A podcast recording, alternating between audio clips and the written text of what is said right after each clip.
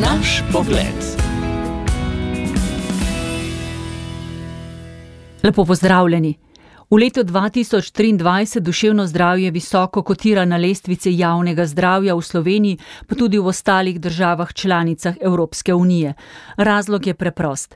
Vedno več ljudi ima na tem področju težave, prednjačijo depresivne in tesnobne motnje, ki so veliko krat razlog bolniških odsotnosti. Vemo, da se vsak četrti človek v svojem življenju sooči z eno od oblik duševnih stisk. To je veliko. In čeprav so motnje tako pogoste, pa v njih marsikdaj zelo težko spregovorimo. A za uspešno zdravljenje je pomembno, da duševne motnje čim prej prepoznamo in poiščemo ustrezno strokovno pomoč. Zakaj? Da bi se dobro počutili v svoji koži in bili srečni kljub težavam. Odrasli najpogosteje iščejo pomoč zaradi težav v družini, od tega je polovica partnerskih težav in težav z odraščajočimi otroki. Potem pa že sledijo problematike, ki jih žal vedno bolj zaznavamo tudi pri mladostnikih: depresivnost, strahovi, tesnoba. Pri mladostnikih strokovnjaki in učitelji opažajo veliko težav s samopodobo, starši, šolo. Kar polovica težav nastopi pred 14 letom in tri četrtine vseh do 25. leta starosti. A v ozadju je še nekaj, o čemer sva nedavno govorili s psihiatrinjo dr. Mojco Zvezdano Drnovšek. Številni mladi ne vidijo smisla življenja. Zakaj?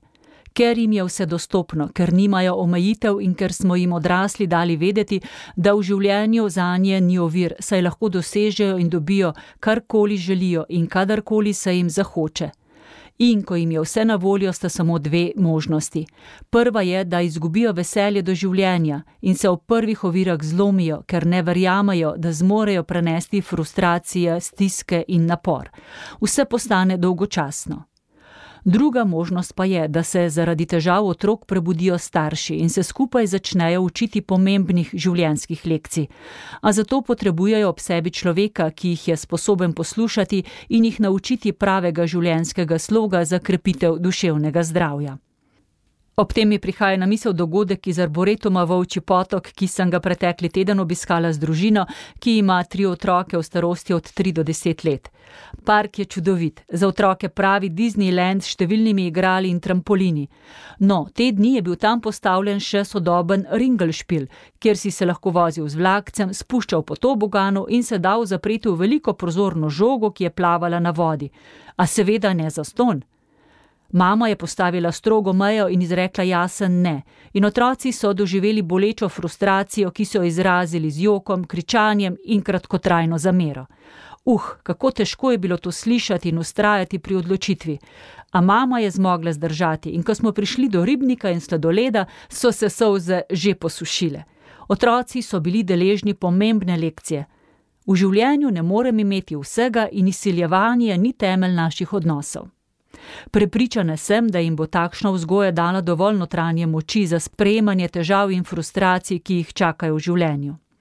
Ne morem tudi mimo odličnega intervjuja z moldavsko pisateljico Tatjano Tibuleak, ki je dejala: Marsikateri otrok iz vzhodne Evrope bi se čudil, da na zahodu čakajo trinajstletnike pred šolo, v moldavijskih vaseh pa trinajstletniki že služijo in skrbijo za sorojence, ker njihov oče dela v tujini. Trenutno v Sloveniji deluje 16 centrov za duševno zdravje, država jih namerava še razširiti in v pilotnem projektu dodatno zaposliti psihoterapevte različnih šol. A ker do tega ne bo prišlo čez noč, sem prepričana, da bo dostopnost do pogovora s kliničnim psihologom ali psihoterapevtom v javni mreži še dolgo časa bolj zadetek na loteriji, kakor redna praksa. Zato predlagam deset drobcev modrosti, ki nam bodo pomagali, da bomo čim večkrat in čim dlje v stanju dobrega počutja, v katerem bomo razvijali svoje sposobnosti in se uspešno spoprijemali s stresnimi situacijami. Prvič, pogovor pomaga. Včasih je dovolj že dober in iskren pogovor s prijateljem ali sosedom, tudi ni nobena sramota, če obiščemo psihiatra ali psihologa. Drugič, gibajmo se vsak dan lahko se kdaj peljemo v službo ali trgovino s kolesom, lahko izstopimo dve postaji pred ciljem in gremo en kilometer peš. Vse je mogoče, če se hoče. Tretjič, dobro spimo. Poskrbimo za dober spanec in se odpovejmo nenehnemu gledanju na ekrane. Odložimo jih vsaj dve uri pred spanjem in podimo raje na sprehod ali vzemimo v roke priljubljeno knjigo. Četrtič. Nič ni nujno, da se zgodi, vse je za nekaj dobro. Vsak dan krepimo to blagodejno notranjo držo svobode, ki pomeni, da nismo nasilni ne do sebe, ne do drugih. Vse se bo zgodilo ob pravem času. Petič. Sprejmimo lastne omejitve in nepopolnosti in skrbimo za humor.